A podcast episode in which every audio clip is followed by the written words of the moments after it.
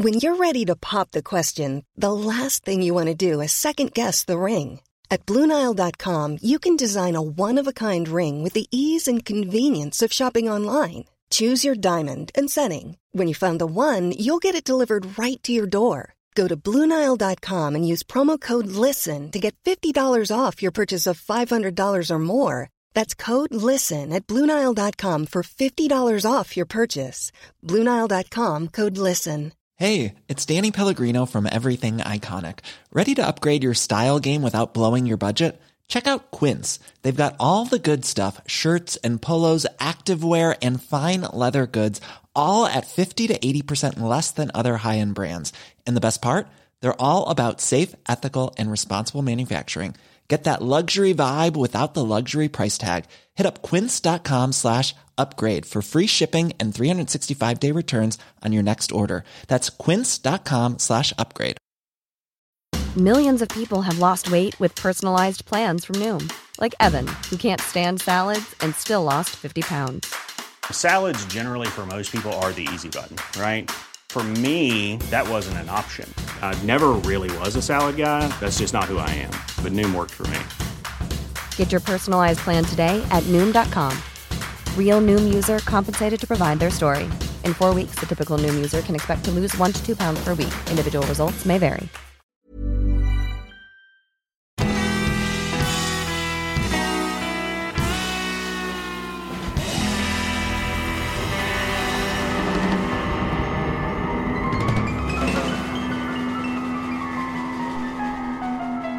Hej allihopa och välkomna tillbaka till ett nytt avsnitt av Ståpäls. Det är ju jag, Ida. Och Lukas. Lukas. Ja. Lukas, yay! Jajamän, som är lite krasslig. Ja, jag har ju varit eh, återigen sjuk i en, i en vecka. Eh, Det är väl basiller från jobbet skulle jag väl kunna ana. Eh, Ja. Så att, eh, ja lite Min röst sviker mig lite då och då så att ni får väl eh, ha eh, Vad heter det? Ni får väl bara gilla läget helt enkelt. Ja, de har inte så mycket att välja på. Nej! Ja, de kan ju hoppa- över din del om det är jobbigt att höra, men eh, Ja, jo, jo såklart. Men, jag kan säga det att det blir spännande så att Ja. det vill ni nog inte göra. nej, det får jag väl hoppas att de inte gör. Nej, precis. Eller va? Eh, ja, ja. Hur är läget med dig då? Ja, min förkylning är ju i stort sett borta. Jag har lite problem med, med bihålorna fortfarande och så kan jag få lite sådär äh, att jag måste harkla mig. Men... Eh. Ja men precis. Eh, Men annars är det okej. Jag har fortfarande lite ont i kroppen och jag är liksom svullen i speciellt händer och fötter. Mm. Eh, Men eh, sånt har ju jag i skov ändå så att det, det behöver ju inte bero på förkylningen. Nej, det men, kan nog vara ehm, vädret också. Sen så har jag sovit dåligt. Jag vet inte, är det fullmåne nu? Mm, ja, brukar inte det vara i månadsskiftet? Ja, för att jag ja. både natten till igår och natten till idag har jag sovit så fruktansvärt dåligt. Ja, det är inte Eh, och jag, jag tycker alltid jag kommer på så här, jag ligger och vrider och vänder mig och kan inte sova och, Mm. och sen så inser jag att aha, det var fullmåne. Ja. Jo, men så tydligen så påverkas jag av det. Men Ja, jag kan också påverkas av det men eh, jag vet inte, inte nu men det kanske är för att jag har varit liksom ja, ja, du är ju sjuk. Då, Ja. då sover man inte heller bra. Nej, nej Men, eh, såklart. Så är det. Ja, Ja, så är det. Eh, Det är snart halloween. ja. It's Spännande. my time, my time of the year. Yes. I like dark stuff. Jaha. Ja, nej men det gillar jag också. Nej, halloween det är bra grejer. Eh, Halloween är ju på söndag. Mm. Så att eh, vi eh, tänkte veckans avsnitt får vara lite läskigt om man vill säga så. Ja, jo men Eh, precis. för det är ju paranormalt idag. Mm. Ehm, så eh, ja, sen hur halloweenigt det blir det vet jag inte men, men det blir lite sånt. Ja men lite, lite läskig eh, stämning.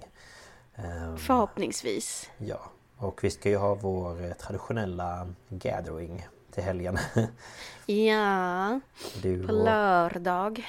ja, du och jag, min fru och vår vän Sam som var med i Knutby avsnittet. Om ni har lyssnat på det. Jajamän, jag ska, vi ska ha ehm, Vi ska kolla på film, äta god mat, jag ska göra ett quiz. Mm.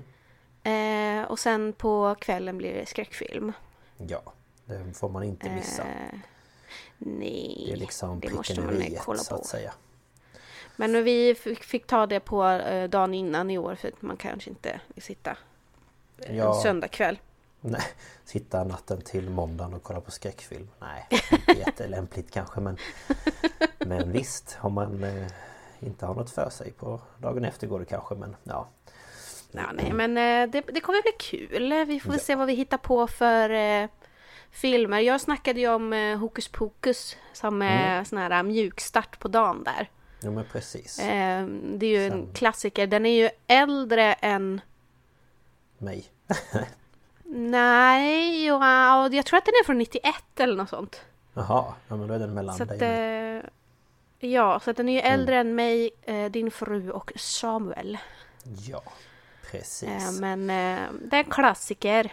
Men är nu, nu håller vi på och eh, sticker iväg på sidospår helt här. Ja, nu eh, återgår vi till det paranormala och eh, Hej och välkomna så, till eh, Vilken film ska vi kolla på podden? podden. Ehm, ja, nej men vi tänkte väl köra igång och det är du som börjar idag. Jajamän. Mm. Det, det, nu, nu kör vi! Mm. Ehm, nu måste jag bara tänka... Jo, jag gör så här. Jag har ett litet um, introstycke här och sen så tar jag mina källor. Mm. För det sägs så här att sta- delstaten Colorado i USA ska vara väldigt hemsökt eh, rent generellt. Eh, bland annat så ligger det berömda Stanley Hotel i Colorado. Och eh, en annan hemsökt plats som är väldigt känd där är eh, Cheeseman eller Chessman Park i Denver. För den här parken är anlagd ovanpå en begravningsplats och när den skulle anläggas så flyttades en del av kropparna till en annan kyrkogård. Men man var ju tvungen att betala någon för att göra det här och många hade inte råd att flytta sina anhöriga. Och sen så gick tidsfristen ut. Så då fyllde man bara igen det. Så under den här parken så ska det finnas ungefär 2000 kroppar kvar. Ja, great. Och ibland så grävs kroppsdelar upp av misstag av ja, men, arbetare eller hundar eller så. Ibland spolas de fram av regn. Ehm, så att eh, det är en eh, väldigt trevlig plats. Ja, det låter så. Eh, men det är inte, det är varken Stanley Hotel eller Cheesman Park som jag ska prata om. För jag ska prata om ehm, en tredje väldigt känd hemsökt plats i Colorado. Och det är Third Bridge. Spännande. Eh, mina källor är eh, medium.com, eh, The Denver, Denver Challenge, va? Denver Channel Challenge, va? Jag vet inte. The Denver Channel, alltså Channel 7. Yes. Eh, en lokal eh, nyhetskanal. Eh, various eh, stuff on Wikipedia. Eh, sen har jag kollat på Oh My Gosh på Youtube. Jag har kollat på Haunting in Colorado. Det är en kanal på Youtube. Och sen har jag kollat på Shane Dawsons kanal Shane på Youtube. Och jag har också varit inne på Reddit. Och specifikt under forumet Paranormal. Mm. An- anledningen till att jag har varit inne på Shanes kanal är för att han har gjort en tredelars typ dokumentär om um, hemsökta platser i Colorado, då specifikt Third Bridge. Mm. Ehm, så. Mm. Eh, Third Bridge ligger i Kiowa, eller Kiowa, hur man nu vill uttala det, i Arapahoe County i Colorado, då i USA. Ehm, och Colorado, hur ska man förklara, om jag ska förklara var det ligger? Det är ju, det är väl the Rockies, the Rocky Mountains som går där, eller är det Smokies? Mm, är det inte Rocky Mountains? Det ligger väl norrut, eller norrut? Jag, jag kan kolla lite snabbt här bara. Eh, Ja, ska se. göra en liten googling så att säga. Alltså jag är inte jätte, jätte, jättebra på eh, USAs... Eh, vad heter det? Jo, men delstaterna kan jag, men jag är inte så bra på exakt vart de ligger. Nej. det Nej, här precis. är ungefär mitt i USA. Mhm. Eh, norr om North Mexico. Det ligger eh, granne med Utah, Wyoming, Nebraska, Kansas och New Mexico. Mhm, okej. Ehm, det, är, det är en av de här The Mountain State. Ja, jo. Så att, eh, det är nog inte The Rockies tror jag inte. Ah, skitsamma. Eh, vill ni veta mer så får ni kolla upp det här Vi är själva. ingen Men eh, geografipodd så att säga. nej, men eh, det är typ i mitten av USA. Dras lite åt västkusten. Mm. Eh, det ligger... Vi har nog pratat om de här The Great Plains förut. Tillhör det också. Mm. Men i alla fall eh, det här är Kiowa, Arapahoe County. Eh, Arapahoe County är väldigt, väldigt stort tydligen. Eh, täcker en stor del av Colorado. Eh, men det här Kiowa ligger ungefär en halvtimme utanför staden Aurora i Denver. Mm. Eh, och den ligger längs en grusväg, mitt ute i ingenstans. Det finns typ inga hus. Det finns inga gatlyktor. Och man har ingen mottagning på mobilen. Och alltså, det står till och med så här, så här eh, Not SOS ready. Så att du kan inte ens ringa eh, larmsamtal. Nej. Man bara, men det är en bra start. Ja, men det är väl helt fantastiskt. Ja.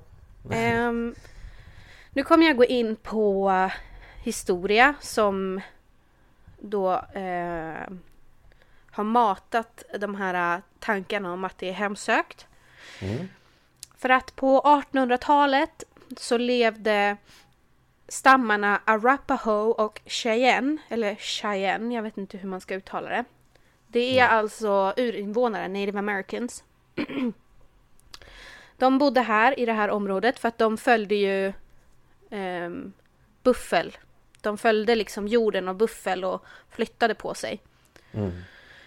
Ehm, och det fanns en guvernör här då som hette John Evans och han eh, gillade inte riktigt att de var där. Nej, okej. Nej, han tyckte att de störde den vita populationen. Ja, vad jobbigt. Ja, det är jättejobbigt faktiskt. Mm, man bara, det var kanske inte ni som var där först, men okej. Nej, precis. Mm. Eh, men han ville egentligen då ha bort dem. Eh, Och det var inte bara för att han inte gillade dem, utan för... Vad kan det bero på? Vad vill den vita alltid ha? Jo, guld. Ja. Han Såklart. eh, menar på att det finns guld här. Och eh, de bor ju här och är i vägen. Ja, du kan ju inte stå där mitt på mitt guld. Hallå? Men han kan ju inte bara jaga bort dem för att när de vita kom till området så träffade de hövdingar från de olika stammarna och grupperna och hej och hå. Och de kom överens om att vi ska leva här i fred. Eh, ni får ha den delen och vi får ha den delen och vi kommer inte störa varann. Och i och med att natives var där först, alltså urinvånarna var där först, så var det ju de som liksom så här, ja men ni kan bo här och vi håller oss här. Eh, och han kan ju inte bara då ge sig på dem, för att då, då bryter han ju den här överenskommelsen. Men han vill ju ändå ha bort dem, så han tänkte jag måste få dem att se dåliga ut. Så att jag har en anledning att, att, att ta bort dem. Så att ehm, han eh, funderade lite på det. Och eh, det var så här att det var en man som hette Nathan Hungate som bodde i området. Och det sägs att han har bott precis vid den här bron då. Eller ja, s- väldigt nära bron. Mm. Och eh, han var tillsammans med sin farmhand, som de säger, alltså typ dräng, ute och eh, ja, skulle samla in sitt boskap. Mm. Eh, och de tittar tillbaka och ser att det ryker från där hans hus ligger. Så att de skyndar hem eh, och eh, gården brinner. Så att den här drängen han rider till Denver för att eh, larma och få hjälp. Och eh, Nathan han eh, tar sig in i huset.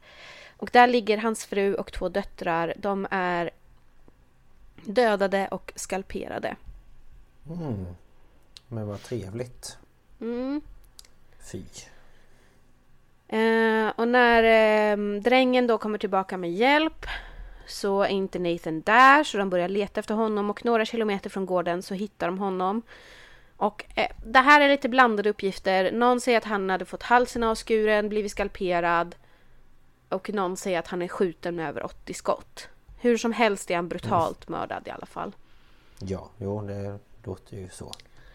Och det här med att skalpera någon är ju något som eh, urinvånare gjorde som straff kan man säga. Mm. Eh, likt man sa att vikingarna ristade blodörn mm. eh, på folk och liksom så. Eh, jag vet inte om de gjorde det här på folk medan de levde eller om de gjorde det när folk var döda. Det kanske var blandat. Det vet jag faktiskt inte heller. det är en eh, blodig historia oavsett. Ja.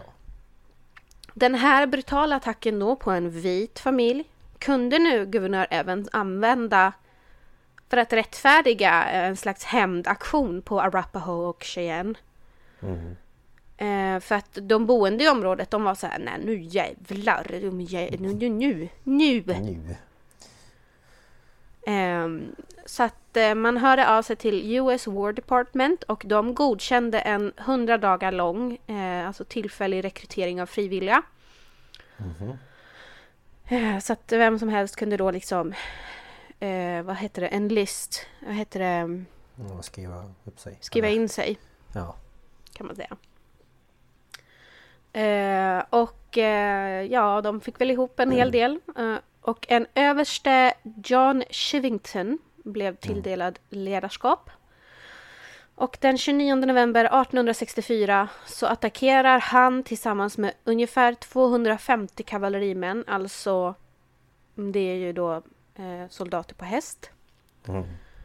De eh, attackerar ett läger tillhörande mestadels Cheyenne men också Arapaho.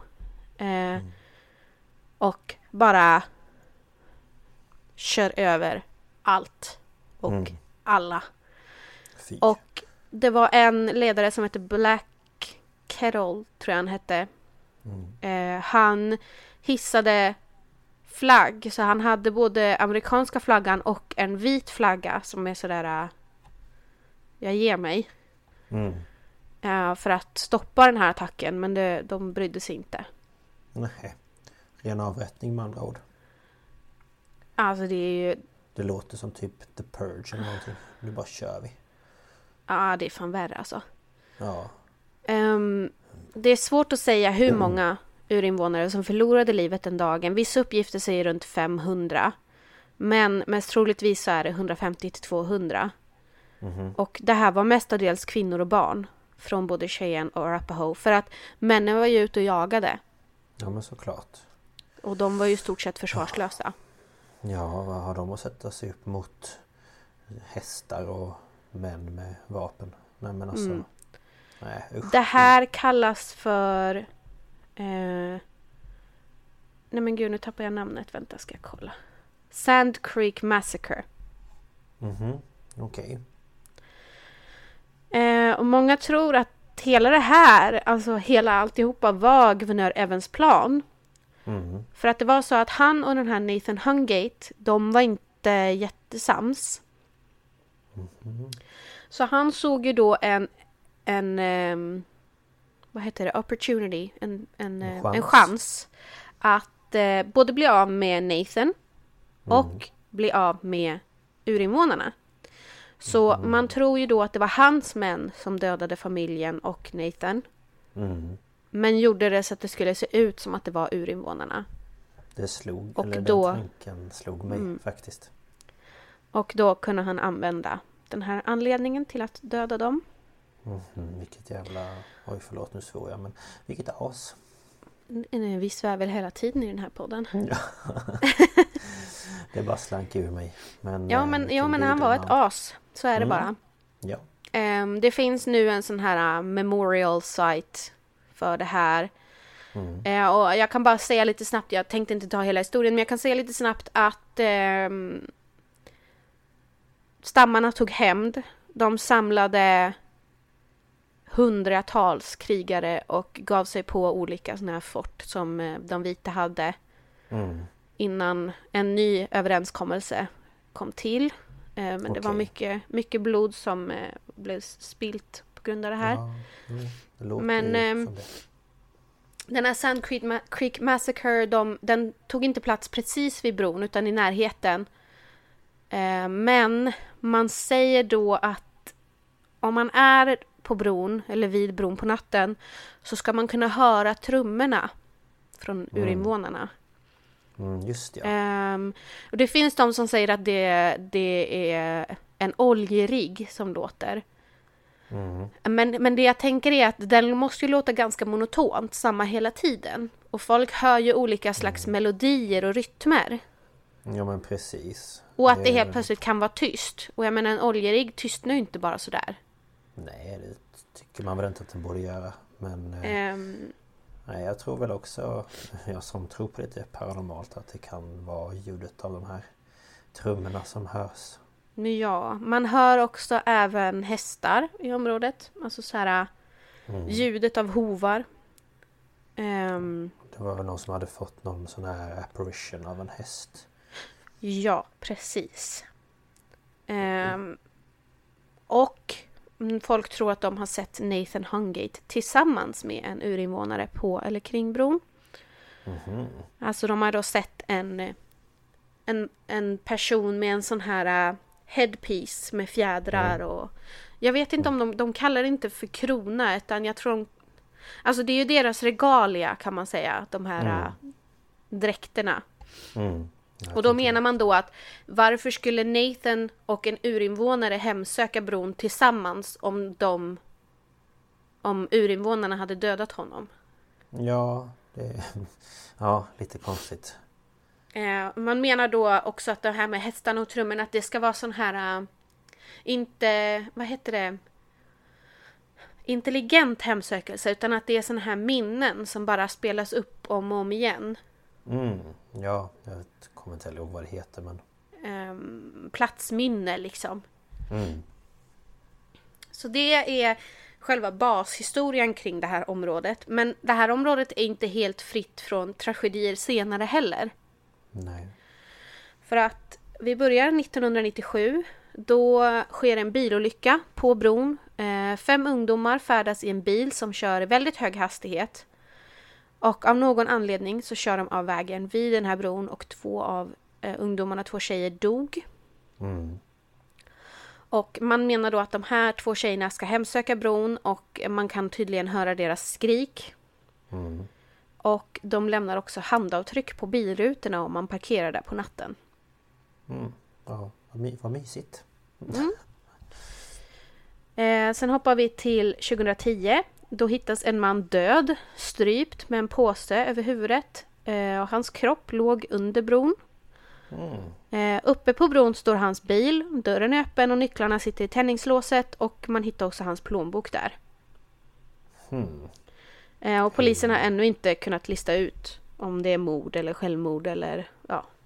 Jag tänker om det skulle vara självmord då skulle han ju behöva gå ur bilen, ta på sig påsen och sen hoppa ner från bron. Eller?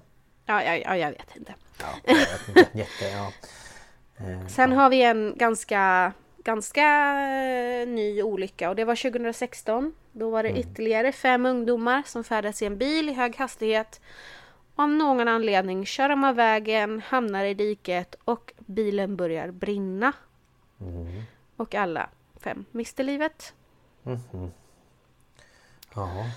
Eh, och eh, många tror att de här olyckorna orsakades av ett spöke för att det finns berättelser om att en vit kvinna i en vit kvinna, en kvinna i vit klänning, jag vet inte om hon är vit men ja. Eh, hon ska i alla fall ha setts gå på vägen och att olyckorna då kan ha orsakats av henne för att man har försökt väja. Mm. Det finns också de som säger att de har sett urinvånare till häst på vägen och att man också kan ha väjat för det. Mm. Ehm, ja, Mm. Ja det vet man ju inte men eh, skulle inte förvåna mig. nej. Eh, och ehm, eh, vad heter det? Youtube-kanalen eh, A Haunting in Colorado berättar om en upplevelse som hennes vän hade när de besökte bron. Det här är en sån här um, en sån här plats där många ungdomar åker för att de ska parkera bilen där och sitta och hångla typ. Wow vilket mysigt ställe. Ja men alltså du, ja.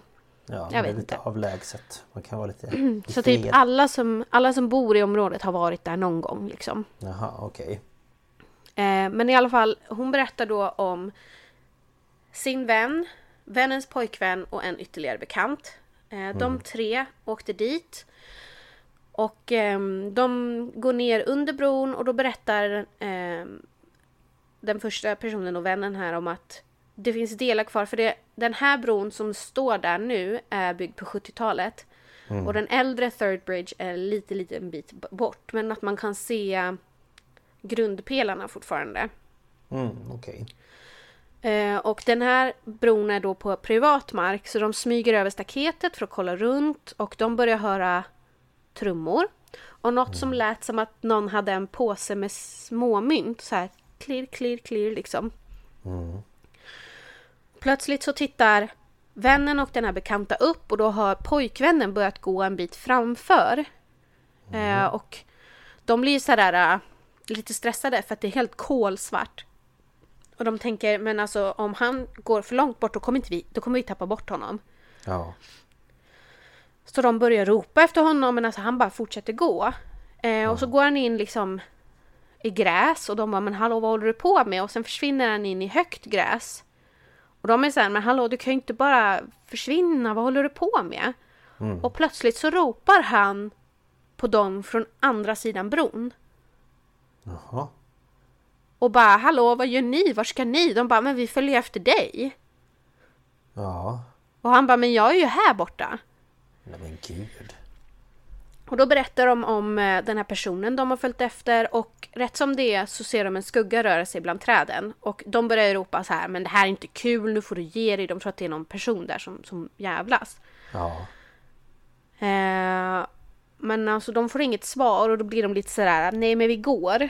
Och på stigen på väg tillbaka så helt plötsligt så tittar de upp och det är bara dimmigt på stigen. Just precis där. Det är inte dimmigt någon annanstans, bara just på stigen.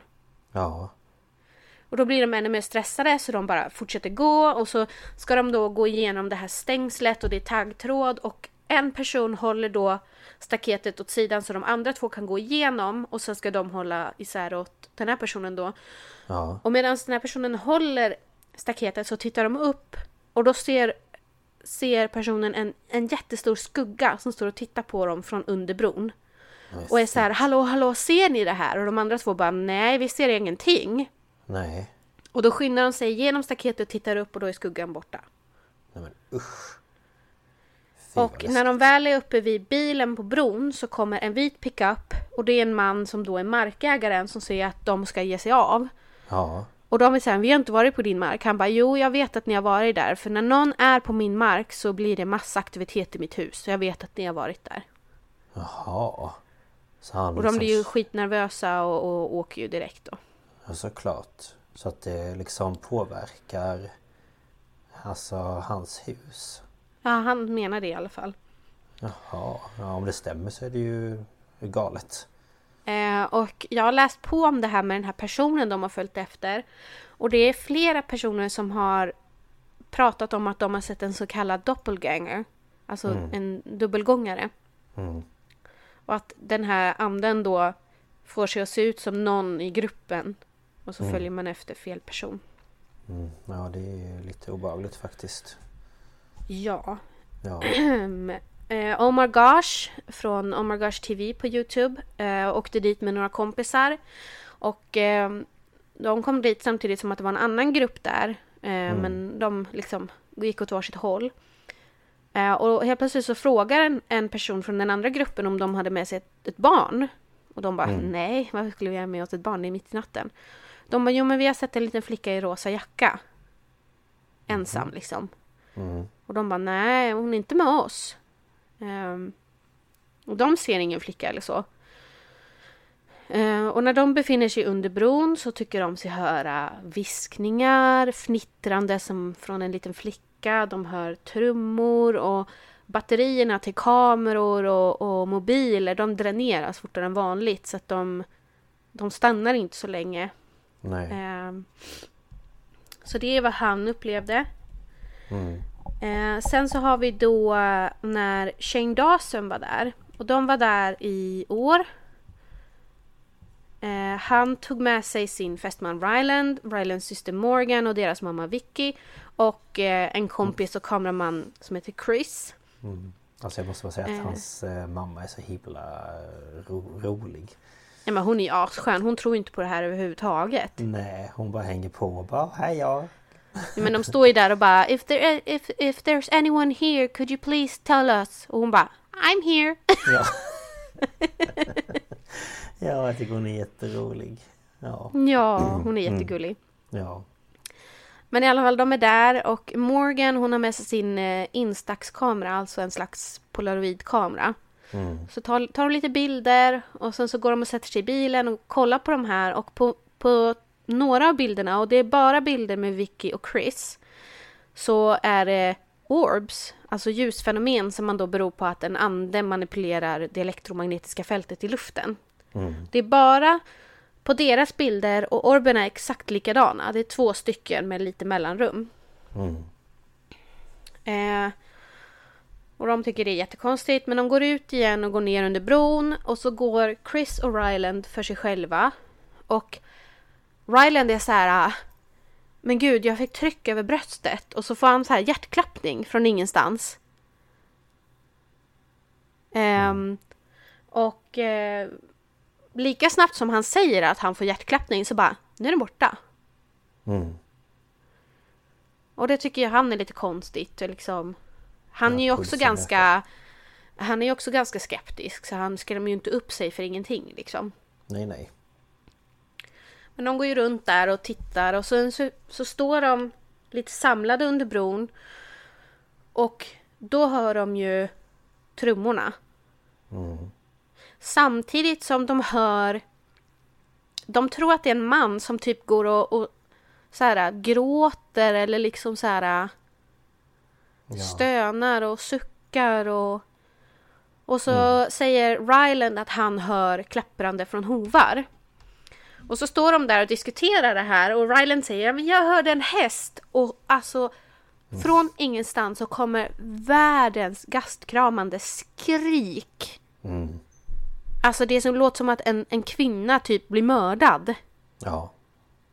ja Och typ- alltså det är ingen bil som kör förbi. Och det är ingen annan som är parkerad där. Så de vet liksom inte var det här kommer ifrån. Nej, nej, jag har ju sett den där också. Det, alltså det där skriket är ju helt... Alltså man blir bara va? Vad hände? Det är någon som tar i för kung och fosterland alltså. Verkligen. Och det är eh, det sägs då att det är någon av de här tjejerna som dog i bilolycka. Mm. Ja, det skulle jag kunna tänka Men, mig eh, faktiskt. Efter det här så blir ju de rädda och Mm. bestämmer sig för att åka hem. Mm. Ja. Ehm, sen har jag tagit två så här uh, eyewitness accounts från Reddit. Mm. Som jag tänkte jag skulle ta med. Mm. Och den första är då Reddit-användaren eh, Gothic LG. Fråga mig inte namnen. De, ja. mm. Mm. Ja. Mm.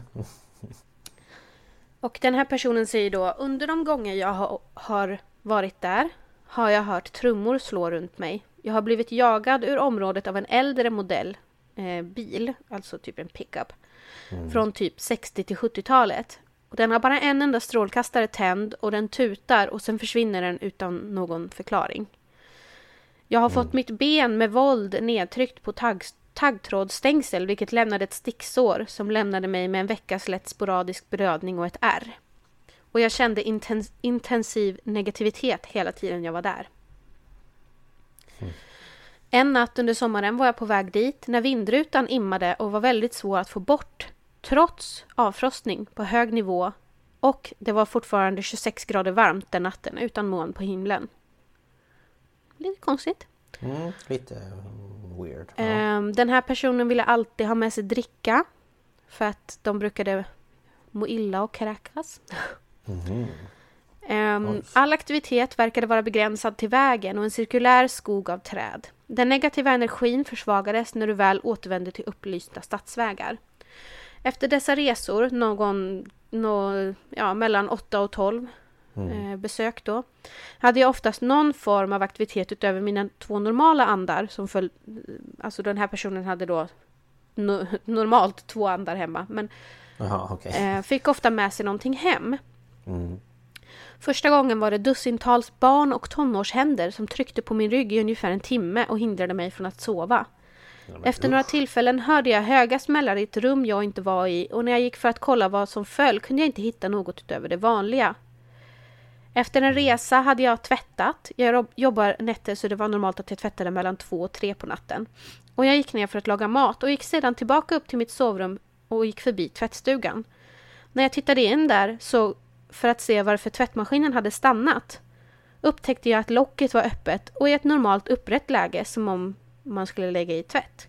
Mm. Jag var ensam hemma vid den här tiden förutom mina två hundar, så den borde inte vara öppen. Jag har också hört mitt namn ropat trots att jag var den enda personen hemma. Nej men usch. Ja, det låter Eh. väldigt trevligt. Mm, det är trevligt. Ja. Man bara några händer sådär som trycker på min rygg. Och, ja men det är Ja, mysigt. Lite massage. helt underbart. Ja. Sen har vi Reddit-användare Bill 30322. För att komma till denna plats måste du ta County Line Road i princip hela vägen in i mitten av ingenstans. Gårdshus ligger utspridda på långt avstånd från varandra. Inga gatlyktor heller. Det är kolsvart om du släcker strålkastarna. Så småningom förvandlas vägen till jord och du, hör, och du tar vägen tills du kommer till backen. När du väl kör upp för backen och kommer till toppen lyser dina strålkastare upp en scen direkt ur en skräckfilm. På toppen av kullen kan du se bron som ser väldigt gammal och sliten ut. Det är en betongbro och man kan säga att den har varit där länge. Bäcken som runnit under är helt uttorkad. Bron är omgiven av enorma läskiga lövträd. De ser onda ut på natten, om det ehm, makes sense. Mm. Bara att vara på den kullen och titta ner på den scenen, rädslan överväldigar dig bara.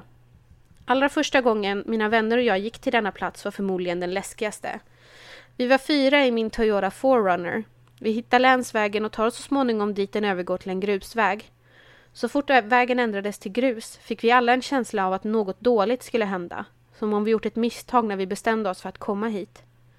Vi når toppen av kullen och jag bara stannar. Vi sitter alla där och tittar åt alla håll och bestämmer fortfarande om vi verkligen vill köra ner till bron. Vi hade inte suttit där i mer än två minuter när jag ser vid foten av bron nedanför oss, nedanför oss en lång mörk figur som bara står där. Jag visste att den stirrade på oss. Man kände det. Den hade inga ansiktsdrag, det var bara den här solida svarta figuren. Men man kunde säga att det var en person. Jag tittade på min vän i passagerarsätet och frågade om han ser detta just nu. Allt han sa var japp, med denna skräckslagna blick i ansiktet. Jag tittar bakåt för att se mina andra två vänner som håller om varandra och stirrar på den här saken. När jag återvände mitt fokus till den började den sprinta mot oss. Nej. När den väl började springa var det något som viftade på den här saken ungefär fothöjd. Som om den hade en jävla cape på sig. Jag satte SUVn i, i back och kom därifrån. Vi hann inte ens fram till bron. Nej men. Eh, och det fortsätter så här. Efter att vi hade berättat för alla våra vänner om vad som hade hänt ville några andra åka och kolla upp det. Så jag gick smart nog med på att åka dit igen. Paret jag åkt med första gången ville inte följa med och jag kan inte klandra dem. Men min andra vän var överraskande nog med på att åka. Så vi lastade mitt fordon igen med full besättning och begav oss ut. Och vi snabbspolade fram till toppen av backen. Som tur var var inte Shadowman där igen. Och vi tog oss sakta men säkert ner till bron. Jag parkerar mitt fordon på bron, stänger av det, rullar ner fönstren lite och vi sitter i totalt mörker. Hela tiden hade vi den här känslan som om vi var övervakade. Våra ögon hade anpassat sig till mörkret och att bara titta ut där var skrämmande. Utan att det hände något läskigt satte jag på bilen och körde till slutet på bron för att vända så att vi skulle kunna vara åt rätt håll ifall något skulle hända. Eh, så samma sak igen då. Jag parkerar, stänger av bilen och vi satt där i säkert tio minuter och ingenting hände.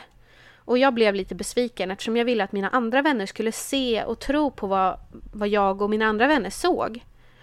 Och min vän i baksätet föreslog att vi skulle gå ner under bron. Nu för tiden skulle jag säga nej. Men då var jag sugen på att något skulle hända. Vi kliver alla ur bilen och tar oss till räcket för att kliva över och komma till marken under bron. Vi hann inte ens en halv meter när vi alla hör ett blodisande skrik. Det var en kvinna och det lät som hon blev slaktad. Skriet gav ut denna hemska känsla av rädsla och ondska. Rädslan tog över min kropp och jag började gråta. Vi alla sprintade i ren skräck tillbaka till bilen och drog därifrån. Har inte varit tillbaka sedan dess. Jag släppte av alla mina vänner och gick hem. Jag klev ur bilen och gick runt mitt fordon för att göra en snabb kontroll av däcken och allt. Jag kom till bakrutan där damm hade stängt upp på fönstret och där fanns två handavtryck. Det ena på det andra. Det var som att handavtrycket på undersidan sträckte sig efter bilen och något som hade dragit iväg det. Nej, men fy. Usch. Men det där skriket Det är väl överensstämmer ju med det där som Shane och de hörde. Precis. Mm. Precis. Ja men vad trevligt. Det här är um, underbart. Helt fantastiskt. Ehm, man vill inte åka dit känner jag. Nej, Eller på sätt och vis vill man, på ett sätt och vis vill man inte. Man vill dit för ett utredningssyfte. Men inte bara Mm. för att man tycker att det är skoj. Eller jag vet inte. Det är inte så att jag skulle bara, åh ska vi dra dit ikväll och se vad som händer? Äh, ja, mm. Utan mer typ, eh, om vi planerar att göra en utredning här. Och vi har Ja. med oss några mer än bara du och jag. ja precis. Mm. Ehm, Men jag, om jag bara får tillägga så har jag sett en eh, Youtube-video från den här bron. Eh, och eh, då är det en, eh, jag vet inte om det är Omar eller om det är hans kompis, han som har lite problem med synen. Eh, det är nog han, för han var också med i den här... äh, Ja, eh, The Fam. Ja, precis. ja, mm. Eh, och då är de där och eh, de har lagt sina bilnycklar på eh, eh, motorhuven på bilen och eh, går ifrån eh, bilen. Eh, och sen helt plötsligt så börjar lamporna i bilen eh, blinka och eh, Mm. eh, ja, massa saker händer med bilen liksom. Eh, Mm. Och sen när de ska sätta sig och starta den så sätts inte bilen igång. Eh, för att det är väl någon som har dränerat batteriet och ja. Så att eh, Mm. det är ju skoj. Det tycker Jättetrevligt. ingenstans. Du har ingen cellphone service, du kan inte ringa på hjälp. When you're ready to pop the question, the last thing you want to do is second guess the ring. At Bluenile.com, you can design a one of a kind ring with the ease and convenience of shopping online. Choose your diamond and setting. When you find the one, you'll get it delivered right to your door. Go to Bluenile.com and use promo code LISTEN to get $50 off your purchase of $500 or more. That's code LISTEN at Bluenile.com for $50 off your purchase. Bluenile.com code LISTEN. Hold up. What was that? Boring. No flavor. That was as bad as those leftovers you ate all week. Kiki Palmer here, and it's time to say hello to something fresh and guilt-free. Hello Fresh. Jazz up dinner with pecan-crusted chicken or garlic butter shrimp scampi. Now that's music to my mouth. Hello Fresh. Let's get this dinner party started. Discover all the delicious possibilities at hellofresh.com. Nej. Så det är bara att vänta på att någon ska komma förbi. Lovely. Lovely, lovely. Nej, så att... Eh, ja, nej fy. Vilket ställe. Mm. Mm. Ehm, jag tänkte den här äh, videon där man ser vad man kan tycka ser ut som en häst kan jag lägga ut på Instagram så att ni kan kolla på den. Mm. Det blev väl kanske bra. Ehm, men det var Third Bridge, Colorado. Ja. Mycket Och, spännande eh, och läskigt. Med tanke på äh, andra ställen i Colorado så kommer vi säkert återvända till delstaten i ett annat avsnitt. Ja, det tycker jag vi kan göra. Men det här var Mm. väldigt intressant och spännande så det tackar vi för. Det var så lite så. Ja, och min röst. Men... eh, Ja, nu får du... Eh, vi tar en liten paus så får du harkla upp dig och ta någonting att dricka och sen är jag nyfiken på ditt. Ja, vi gör så.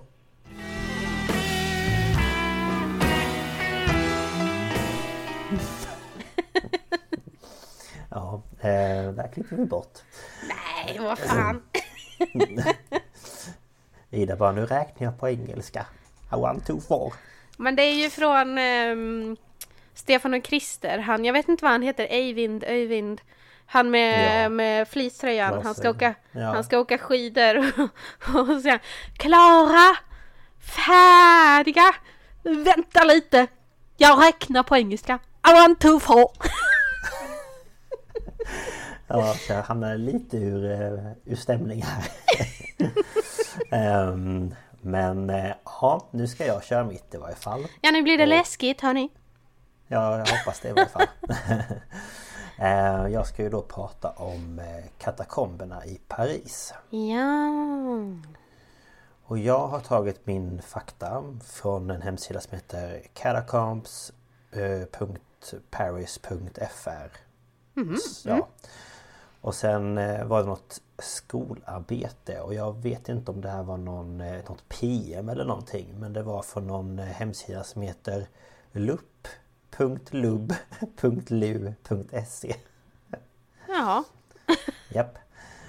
Och sen en artikel från eh, thetourguy.com som heter Bone Chilling Paris Catacombs Legends and Myths.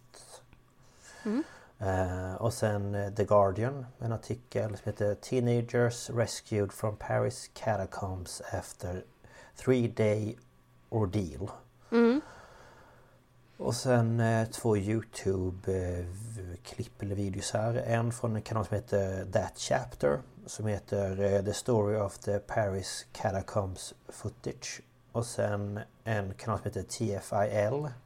Eh, och videon heter Overnight in Paris Catacombs. A night we should have died. Eh, och sen Ghost Adventure som gjorde ett specialavsnitt med bara eh, Zack Bagans. Eh, som heter Netherworld Special eh, Paris Catacombs. Och ehm, vi ska börja med lite historia tänkte jag. Ehm, för redan under år 60 före Kristus så togs det som idag är eh, katakomberna i bruk av romarna. Och eh, det var då stenbrottsgångar eh, från... Ja, man, bryt, bry, man brytte, man bröt kalk. Ja. Och de här gångarna de var i bruk fram till 1400-talet innan de övergavs. Och eh, fram till år 1785 så stod de här gångarna tomma. Eh, men efter att eh, dödliga sjukdomar som pest, dysenteri, vilket är en slags tarminfektion och eh, smittkoppor börjat spridas bland invånarna i Paris eh, så började kyrkogårdarna bli överfulla med ja, döda människor. Och i och med detta så var man rädd för att de här sjukdomarna då skulle spridas från ja, de döda till de levande. Så år eh, 1780 så började en prefekt hos polisen eh, som hette Lenoir att eh, utarbeta en plan för att flytta benen, alltså skelettdelarna, eh, ner i de här gruvgångarna. Eh, men det skedde liksom inte när han eh, föreslog detta utan eh, det var inte förrän hans efterträdare och nu ska jag försöka uttala massa eng äh, engelska, nej, eh, franska namn här. Eh, Tiro de Cro Crosnay, Crosn, Crosnay, jag vet inte. eh, eh, som tog upp den här eh, idén då med eh, inspektören vid avdelningen för allmän stenbrottskontroll. Oj. Eh, ja, och han hette eh, Charles Axel Guillamot. Guillamot. Eh, då Inte, inte. Guillermo eller något sånt. Jag vet inte. Gu, Guia, jo det kanske är Guillamot. Det låter ju som Guillermo. Alltså... Eh, G-U-I-L-L-A-U-M-O-T. Guillamot. Gui- Gi- Guillamot. Någonting sånt. Ja, tack. eh, ja, och då började saker hända i varje fall. Ehm, så den första begravningsplatsen som skulle tömmas det var Saint Innocent. Eh, kyrkogården. Eh, då den var överfull och var i akut behov av, av att få bort eh, kroppar. Och eh, på den här begravningsplatsen så hade det under cirka tusen år begravts personer från 22 olika församlingar samt personer från olika sjukhus och eh, bårhus. Och eh, under 1700-talet så hade marken på kyrkogården då på grund av alla som hade begravts där höjts med eh, flera meter i Nej, jämförelse med eh, gatan då utanför. Ehm, och man hade redan under andra halvan av 1500-talet börjat klaga på att kyrkogården kunde vara en risk för smittspridning. Men det var alltså inte förrän under 1700-talet eh, som det då bekräftades av den Kungliga Vetenskapsakademin. Och eh, mellan 1785 till 1787 så tömdes då de här gravarna samt eh, de gemensamma gravarna och eh, eh, liksom karnellhuset eller vad ska man säga, benhuset där alla ben förvarades. Eh, De, allt det här tömdes då på alla skelettdelar. Och eh, detta gjordes då enligt en väldigt eh, högtidlig ritual. Eh, där man vid skymningen bar de uppgrävda kropparna i behållare som var täckta med svart tyg. Och efter då gick personer som bar facklor och präster som sjöng för de döda. Och eh, de togs då till slutdestinationen vilket var stenbrottet eh, som låg vid eh, Tombe Issoir eh, som då förberetts av prästerna som då hade välsignat den här platsen. Okej. Och eh, benen de dumpades i två stenbrunnar och eh, delades sedan ut och staplades längs med väggarna. Ehm, nere då i, under jorden. Och efter att eh, alla skelettdelar från Saint Innocent flyttats så började man även överföra ben från Saint Nicolas de Champs Saint Croix de la Bretonnière eh, Saint André des Arts eh, Saint eh, ja, Eustache Saint Landry och Trinité. Mm och kyrkogårdarna från ön Saint-Louis. Och man fortsatte att föra över kroppar eh, även efter den franska revolutionen och fram till år 1814.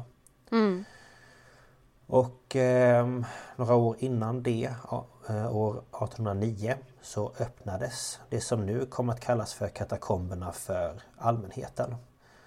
Och eh, besökarna eh, fick då gå en viss runda och i slutet av den här rundan så placerades ett eh, register där man fick skriva vilka intryck som man då hade fått eller haft när man hade gått den här rundan.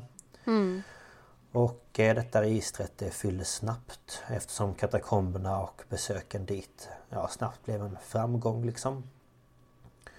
Och eh, både fransmännen och eh, människor från andra länder tog sig dit för att besöka de här katakomberna. Och under 1800-talet så ändrade man besökarrangemangen lite då och då. Så ibland så var det helt stängt och ibland så var det öppet i en månad eller i tre månader i sträck. Och eh, idag så är katakomberna öppna för allmänheten och tar emot nästan 550 000 besökare varje år. Ja, det är helt sjukt. Vi har ju pratat om det. Vi har ju varit i Paris. Du har varit där flera gånger, jag har varit där en gång. Om, om, om man skulle vilja gå dit och på sätt och vis ja, men ändå nej. Mm. Ja men precis. Ehm, Man, eh, man skulle liksom vilja se det men samtidigt vilja det. Lite så. nej men det ger mig lite kalla kårar. Ja.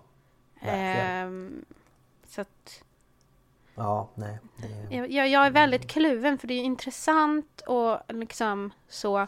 Men så känns det också väldigt eh, respektlöst mot de döda på något vis. mm. Ja, gud ja. Så jag, ja, Men, eh, mm, Jag förstår men- folk som, som vill se det men ändå inte. Mm. Jo men lite så faktiskt. Mm. Ehm, Men innan det här öppnades då år 1809 så genomgick eh, katakomberna ett, ja, en upprustning med olika dekorativa arrangemang. Och eh, den som då stod för detta var eh, Harry Carte de Thury som eh, valde att förvandla platsen och med hjälp av ett, då ett museigrafiskt och monumentalt tillvägagångssätt. Så det skulle vara fint. Ja, ja. Och benen som från en början bara staplats längs med väggarna. De organiserades noggrant och användes även som fyllning av de här stenbrotten. Men det är det jag tycker är så hemskt.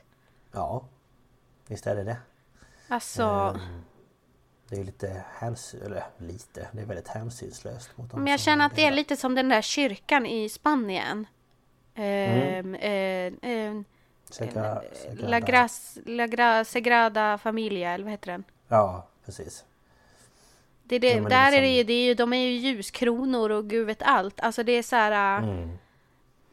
Man, man glömmer liksom bort att det är människor som Mm. Ja men det, det var ju någon, det var någons Ja. familjemedlem. Alltså det, Mm. Ja, ja, nej det är helt galet egentligen. att de bara Eh. blir downgraded till dekoration. Och Mm. liksom, nej, jag tycker inte om det. Nej, nej, gud nej, nej jag håller med dig. Eh, men det som då syns utåt sett är eh, skenben och dödskallar eller dödsskallar. Som är då placerade i rader och eh, bakom detta då så är de återstående benen. Och eh, de här benen då var oftast bara eh, från benfragment då de då bara hade dumpats i stenbrottet och på så vis gått sönder. Eh, och eh, benen ligger placerade kyrkogårdsvis med då skyltar med namn på kyrkogården som de kommit ifrån. Och eh, olika monument av murverk i antik och egyptisk stil installerades också nere i katakomberna.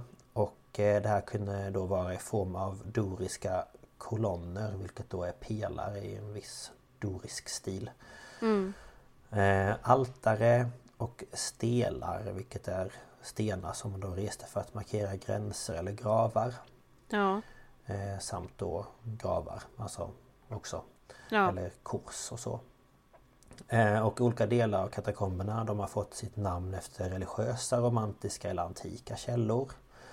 Eh, och eh, det finns även en hel del poesi på flera platser nere i katakomberna. okej. Och eh, mer än 6 miljoner Gud, ursäkta, jag satte mitt eget saliv i halsen. Ja men det är bra när man sätter saliv i halsen. Åh gud. Mm. Det är bara att Ja. hosta och skjuta. Fortsätt. Japp. Eh, Ja, mer än 6 miljoner kroppar ligger begravda i katakomberna idag. Herregud, det är helt galet. Ja. Och det här är då, eh, det representerar 30 generationer av parisare. Men herregud. Ja. Eh, Och från bara kyrkogården vid Saint Innocent så förflyttades ungefär 1,2 miljoner kroppar. Men herre, oh my god. Alltså, oh, 1,2 miljoner kroppar. hur många gånger kan jag häda på en minut? Ja, jag vet inte. Nej men alltså det är... um, Det är galet. Nej men... äh, äh, Hä? Nej men alltså det är ju typ, vad är det, typ Stockholms befolkning? Eh, ja, typ. Som förflyttades till under jorden. Eller ja, mer. 6 miljoner. Det är ju typ nästan hela Sverige tänkte jag säga. Halva Sverige. Oh my god. Mhm. Eh, och det första man möts av när man kommer ner i katakomberna Alltså på den då mm, i den här när man får gå ner Ja. eh, Där är det en skylt och på den så står det Arrête eh, c'est ici L'Empire de la Mort Vilket på svenska betyder stopp, det här är dödens rike Mm. och eh, katakomberna och de här tunnlarna då som eh, finns har en total sträcka av hela 300 kilometer. Och och de har då varit välbesökta genom åren. Och ett exempel är under andra världskriget då gångarna användes av både den franska motståndsrörelsen och tyska soldater. Ja. Och eh, förutom då de här, den här besökaringången så finns det ungefär eh, ja, runt en 70 andra nedgångar till katakomberna. Mm. Och en del av de här gångarna är trånga och vissa är nu för tiden helt eller delvis översvämmade. Mm. Och en del gånger har även behövts fyllas igen på grund av eh, rasrisken. För det Ja. har ju rasat mycket liksom. Mm. Och genom de här tunnlarna kan man ta sig till större delen av staden. Och det här är ju dock förbjudet. Eh, då det endast är lagligt att besöka det avgränsade området. Mm. Eh, men trots att det är förbjudet så är det många som ändå tar sig till de här övriga gångarna och ner i katakomberna. Och eh, polisen antar att det varje år är mellan 10 till 15 000 illegala besökare. Mm. Och många av de här besökarna de är utrustade med bra utrustning som till exempel stövlar och pannlampa och hjälm och så vidare. Medan andra liksom bara tagit sig ner dit för att sitta och chilla och äta lite mat eller ta en picknick eller ja. Mm.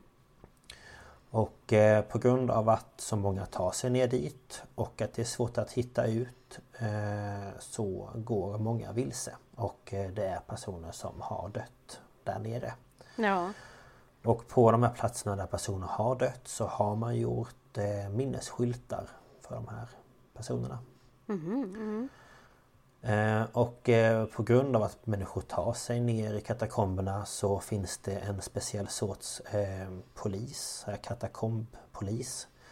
Eh, som patrullerar de olika gångarna för att då försöka hålla obehöriga borta. Ja. Och nu kommer jag komma till lite olika eh, saker som har hänt nere i, i katakomberna. Eh, för ett klipp som har cirkulerat på Youtube eh, Det är av en man som under 90-talet har tagit sig ner i en av tunnlarna för att eh, utforska. Och eh, väl där nere så kan man höra i klippet då att han får panik och eh, det verkar som att han inte hittar vägen ut. Och i det här klippet då så ser man honom först gå snabbt fram och tillbaka i de här olika gångarna. Och eh, ett, efter ett tag eh, så ser man att han börjar springa. Och man hör hur han andas tyngre och att han liksom ja, har eh, panik helt enkelt. Ja. Och eh, plötsligt så tappar han då kameran på marken och man kan då se hur han springer iväg i mörkret. Och eh, än idag så är det ingen som vet vem den här mannen var. Och eh, det många har ställt sig frågan om efteråt är om det var så att han inte hittade ut eller om han blev jagad av något. Och andra har även funderat på om det är på riktigt eller om det är någon som har gjort det som en Ja, liksom en rolig grej eller liksom för att skrämmas eller ja. ja, men typ som ett art project. Ja, men lite så. Och eh, det är många som tror att filmen eh, As above so below eh, som handlar om katakomberna eh, har hämtat sin inspiration från den här videon. Och eh, första gången som det här klippet visades för allmänheten det var när det visades i ett avsnitt av serien eh, Scariest Places on Earth år 2000. Och i det här avsnittet så intervjuas en man som heter Francis Friedland eh, som då arbetar med att göra film. Och eh, han kom i kontakt med det här videoklippet efter att en annan besökare i katakomberna hade hittat den här kameran och eh, gett den till honom. Okej. Och efter att han då analyserat klippet så sätter han ihop ett gäng människor då som tar sig ner i katakomberna för att då försöka komma fram till vem den här mannen är eller var.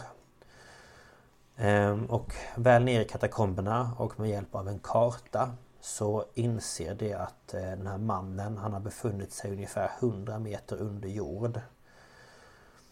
Och efter att ha gått ungefär en mil eh, och utan att hitta någonting så bestämmer de sig efter 12 timmar eh, för att ge upp. Okej. Ja. Ehm, och ehm, år 2014 så beger sig då Zack Bagans från Ghost Adventures till Paris. För att göra en utredning eller undersökning av katakomberna. Mm. Och i det här avsnittet så träffar Zack eh, den här Francis då för att diskutera det här videoklippet. Ja. Och under deras samtal så berättar Francis att han vägrar ta med sig Zack till stället där kameran hittades.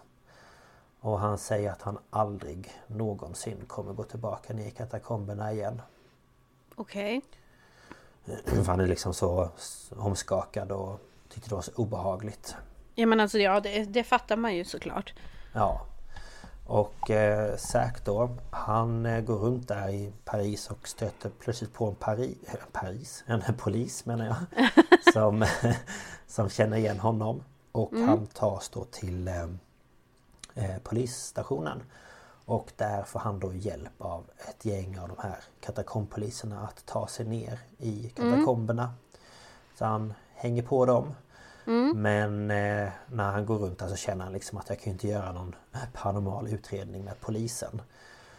Eh, så han tar sig upp därifrån igen och eh, plötsligt så stöter han på en lokal paranormal utredare.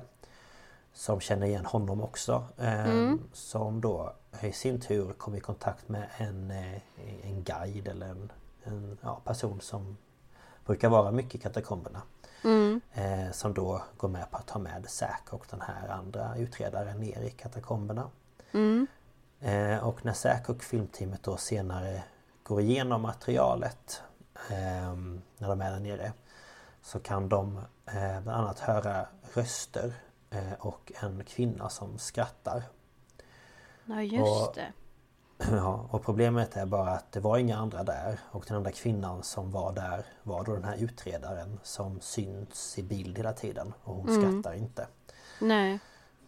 Eh, och eh, i ett hål eh, eller jag tror det är lite olika hål i väggen så placerar Zack då tre kameror för att eh, filma en av tunnlarna. Eh, medan de då fortsätter djupare in i katakomberna. Och eh, efter ett tag så kommer de till ett rum fullt med ben och Zack beskriver att han blir liksom ledsen och att det är en väldigt tung känsla i det här rummet. Ja. Och eh, han kan även känna liksom kalla vindar som så här virvlar runt omkring honom. Som att några liksom springer runt och ja, har sig. Ja. Och på väg tillbaka så upptäcker de att eh, två av kamerorna inte är där de lämnade dem. Eh, och de tänker att de kanske har blivit stulna. Eh, men när de kollar igenom klippet då på den tredje kameran så ser de ingen som går förbi någon gång. Eh, men plötsligt så ser de en skuggfigur som visar sig i hörnet av bilden då. Och som går bort från ja, kameran eller bort i mörkret liksom. Eh, Och den här skuggfiguren ser ut som att den har en eh, cap. eh, Liksom som en mantelaktigt som Ja. man hade förr.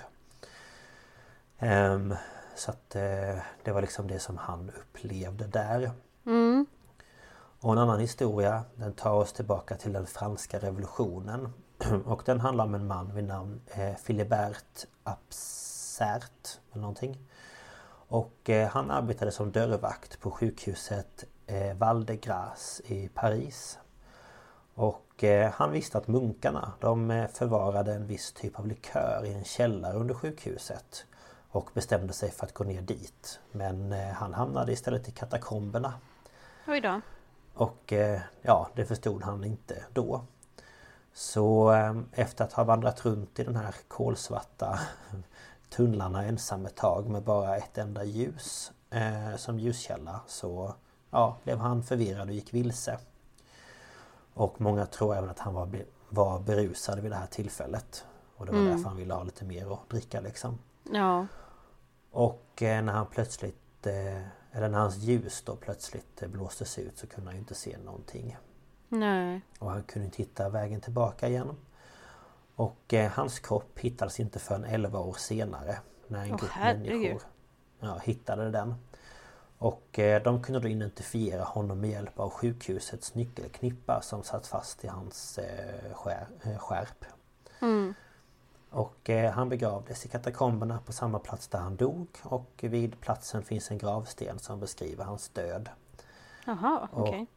Ja, och personer som då brinner för historien om katakomberna menar på att varje år den 3 november så hemsöker Filiberts ande katakomberna. Mm. Eh, och eh, som jag nämnde förut så... Eh, eller gjorde jag kanske... Nej, det sa jag aldrig. Men det var en grupp som utforskade eh, En grupp poliser som utforskade katakomberna år 2004. Och den här delen då var en del som var avstängd för allmänheten och de hittade då en del konstiga saker. Och det första som de hittade det var ett PA-system, alltså ett Public Address-system. Och det är en ljudanläggning som man använder för att påkalla allmänhetens uppmärksamhet. Mm. Och det här systemet hade då förinspelade ljud eh, från en skällande vakthund. Okej. Okay. Och eh, ja, och de hittade sedan cirka 300 kvadratmeter av olika salar som var anslutna till telefoner som då i sin tur använde sig av, eh, vad ska man säga, piratel. Alltså... Mm. Stulen el? Ja, precis. Ja. Eh, och de hittade även en bar, ett vardagsrum, en verkstad, en lounge och en biograf med plats för 20 personer. Men herregud. Ja, och sätena till bion de hade huggts in i stenar som då fanns nere i katakomberna. Ja. Och eh, polisen upptäckte även kameror i taket som man kunde då se spelade in dem. Och några dagar senare så åkte polisen tillbaka till området med ett större team för att undersöka vidare. Och eh, när de väl hade kommit fram till platsen så hade allt de hittat försvunnit. Även mm. de här hmm. telefonledningarna. Och det enda som polisen hittade det var en anteckning där det stod Ne cherches pas. Och det betyder sök inte. Hmm. ja. Eh, och sen eh, onsdagen den 14 juni 2017 så räddades två tonåringar 16 och 17 år gamla efter att de hade varit vilse i katakomberna i tre dagar. Fy fan alltså. Och Ja, och de togs direkt till sjukhus där de behandlades för hypotermi. Vilket mm. då innebär att deras kroppstemperatur var under 35 grader. Och eh, de hittades av ett sökteam och hundar tidigt på onsdagsmorgonen. Och eh, en brandman som var med i sökinsatsen sa då efteråt att det var tack vare hundarna som de kunde hittas. Mm. Och förutom allt som jag då har berättat så finns det en mängd Reddit-trådar på nätet om då historier och händelser nere i katakomberna. Mm. Och där finns det då bilder och länkar till olika Youtube-videos som visar de människor som utforskar de här tunnlarna. Mm. Och eh, på de här bilderna eh, så och historierna om människor som tar sig ner... Oj, ursäkta! Prosit! Thank you! ja. Ja, ja men det finns i alla fall bilder och historier av människor då som tar sig ner till katakomberna för att festa och dricka alkohol. Mm. Eh, och jag, jag, jag, känner lite så här Vem vill gå ner i en katakomb och dricka alkohol? Ja, men det är ju som i, i Norge, kommer du inte ihåg det? Det var några som höll på att dö för de skulle ha rave i en gammal bunker och så blev de instängda. Ja men alltså man bara... Det är men... lite samma, man bara men snälla någon. Ja, jag känner hur är din liksom, vad heter det? Hur din uppfattning om saker och ting när du är full? Det är ju inte så att den ja. blir bättre liksom. Nej. Ja, nej, fy fasen. Nej, jag förstår inte heller faktiskt. Nej. Eh, ja, det finns eh, så kallade guider då som man kan kontakta om man känner någon som känner någon så att säga. Mm, det är liksom mm. ingen så som bara jag är en guide utan man måste liksom veta. Ja. Och de här möter man då upp och de visar då en, en ingång till katakomberna. Mm. Och eh, de här kan man då även kalla för eh, katafiler. Ja. Och katafiler de ja, tycker om att ta sig ner då till katakomberna för att ja, ta det lugnt och hänga lite.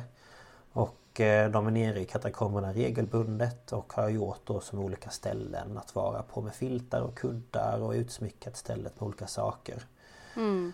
Och det är ju massa graffiti nere i katakomberna. Ja, såklart. Ja. Och eh, det sista jag tänkte berätta det är då när den här Youtube-kanalen TFIL är eh, i Paris och ska besöka de här katakomberna. Och de kommer då dit och möter upp en guide från Paris som då ska visa dem vägen till en av ingångarna. Och eh, de klättrar över en låst grind och ner till något som jag tror är en gammal liksom, tågstation. Okej. Och den här guiden han berättar att han har varit nere i katakomberna ungefär 200 gånger. Och eh, han berättar att den här gången så kommer de vara nere i 10 timmar ungefär. Men han föredrar att vara där i två till tre dagar när han är där själv. Och eh, han berättar då även att det finns ingen mottagning eh, alltså för telefoner. Och om du är där nere själv så finns det ingen som kan hjälpa dig om något händer. Nej. Och eh, de frågar honom då vad det värsta han sett där nere är. Och eh, det här är ju jättetrevligt. Eh, Han berättar om en kvinna som ramlade ner från en stege och bröt benet. Alltså det här är så äckligt så att benpipan stack ut genom Nej, hennes nej, knä. nej, nej, nej, nej.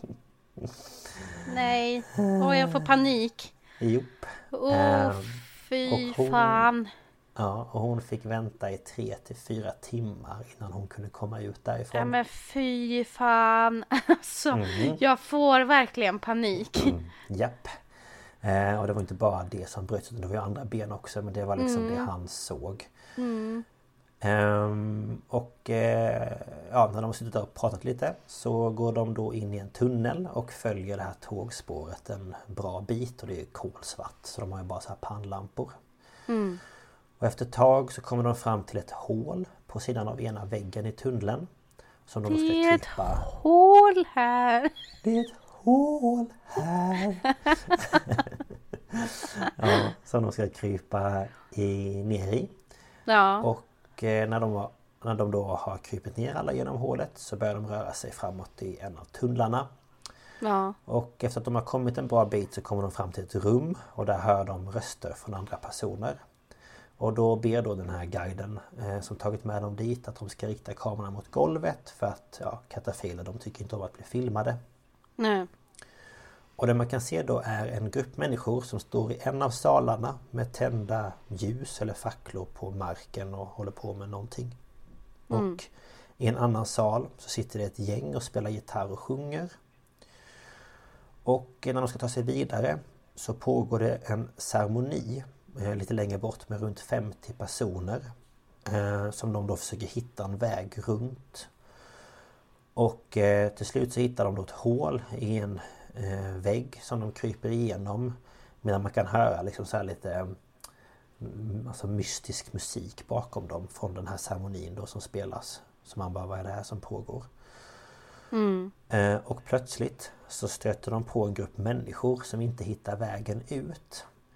Och eh, de börjar då prata med den här eh, guiden och de berättar att de inte är från Paris utan från London.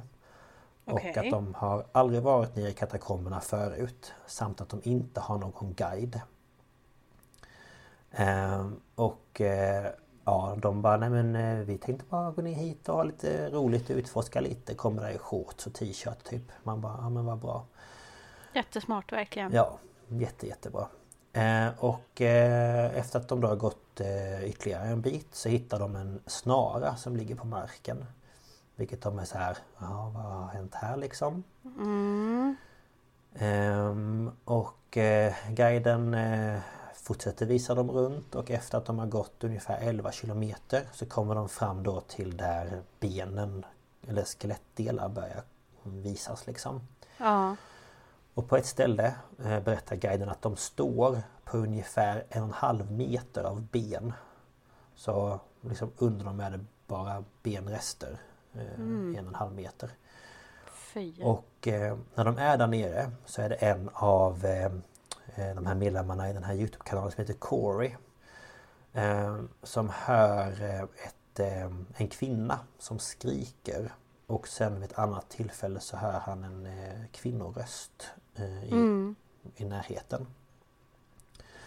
Och när guiden eh, ber dem vänta vid ett ställe för att den här guiden då ska kolla efter en väg ut. så dröjer det väldigt länge. Ehm, så Corey han bestämmer sig för att gå samma väg.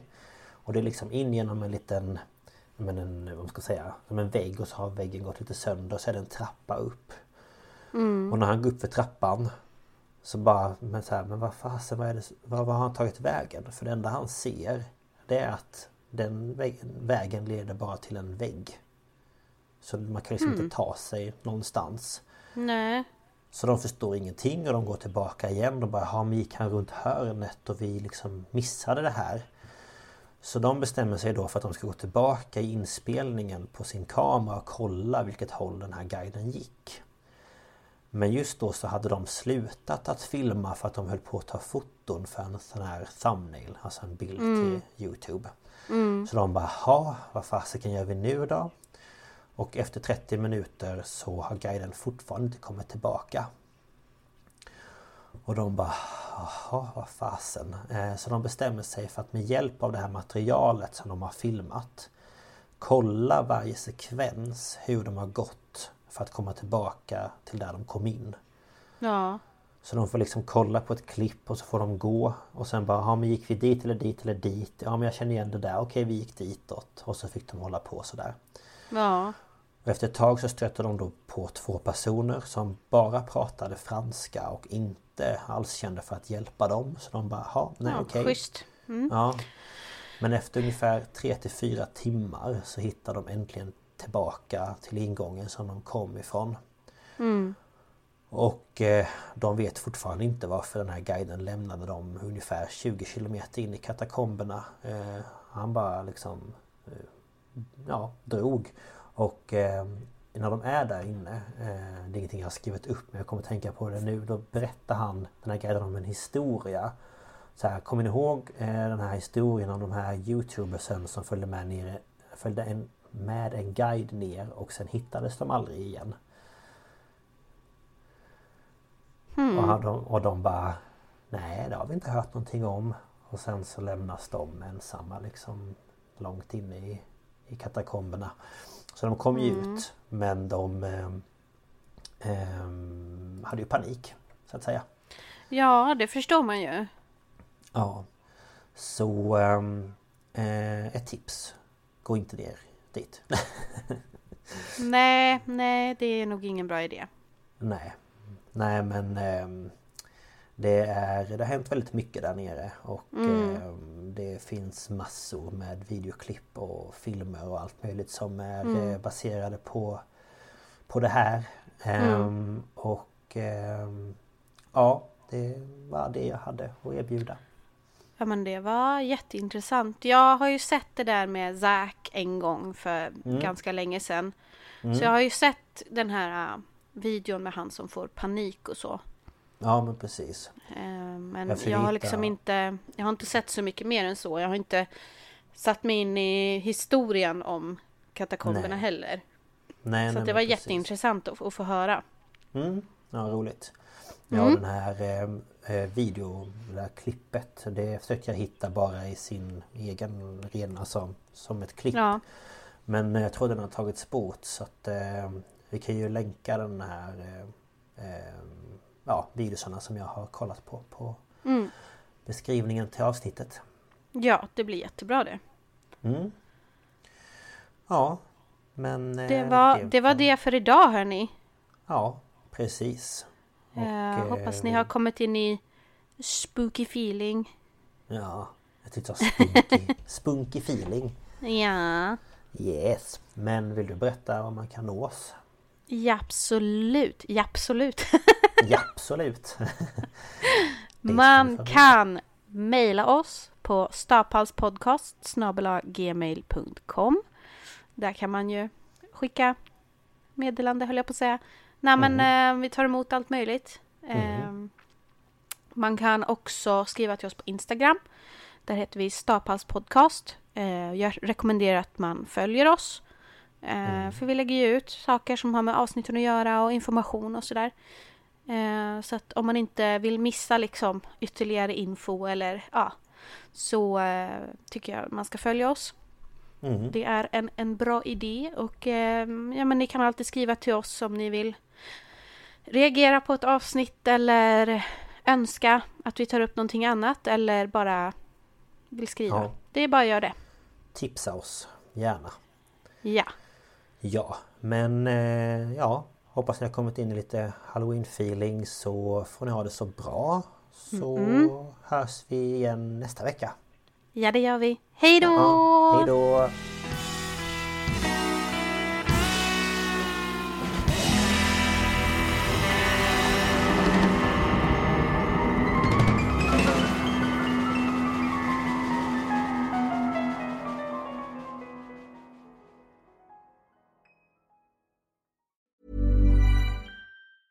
Hi, I'm Daniel, founder of Pretty Litter. Did you know cats tend to hide symptoms of sickness and pain? I learned this the hard way after losing my cat, Gingy. So I created Pretty Litter, a health monitoring litter that helps detect early signs of illness by changing colors, saving you money and potentially your cat's life. Pretty Litter is veterinarian developed, and it's the easiest way to keep tabs on your fur baby's health right at home. Go to prettylitter.com and use code ACAST for 20% off your first order and a free cat toy. Terms and conditions apply. See site for details.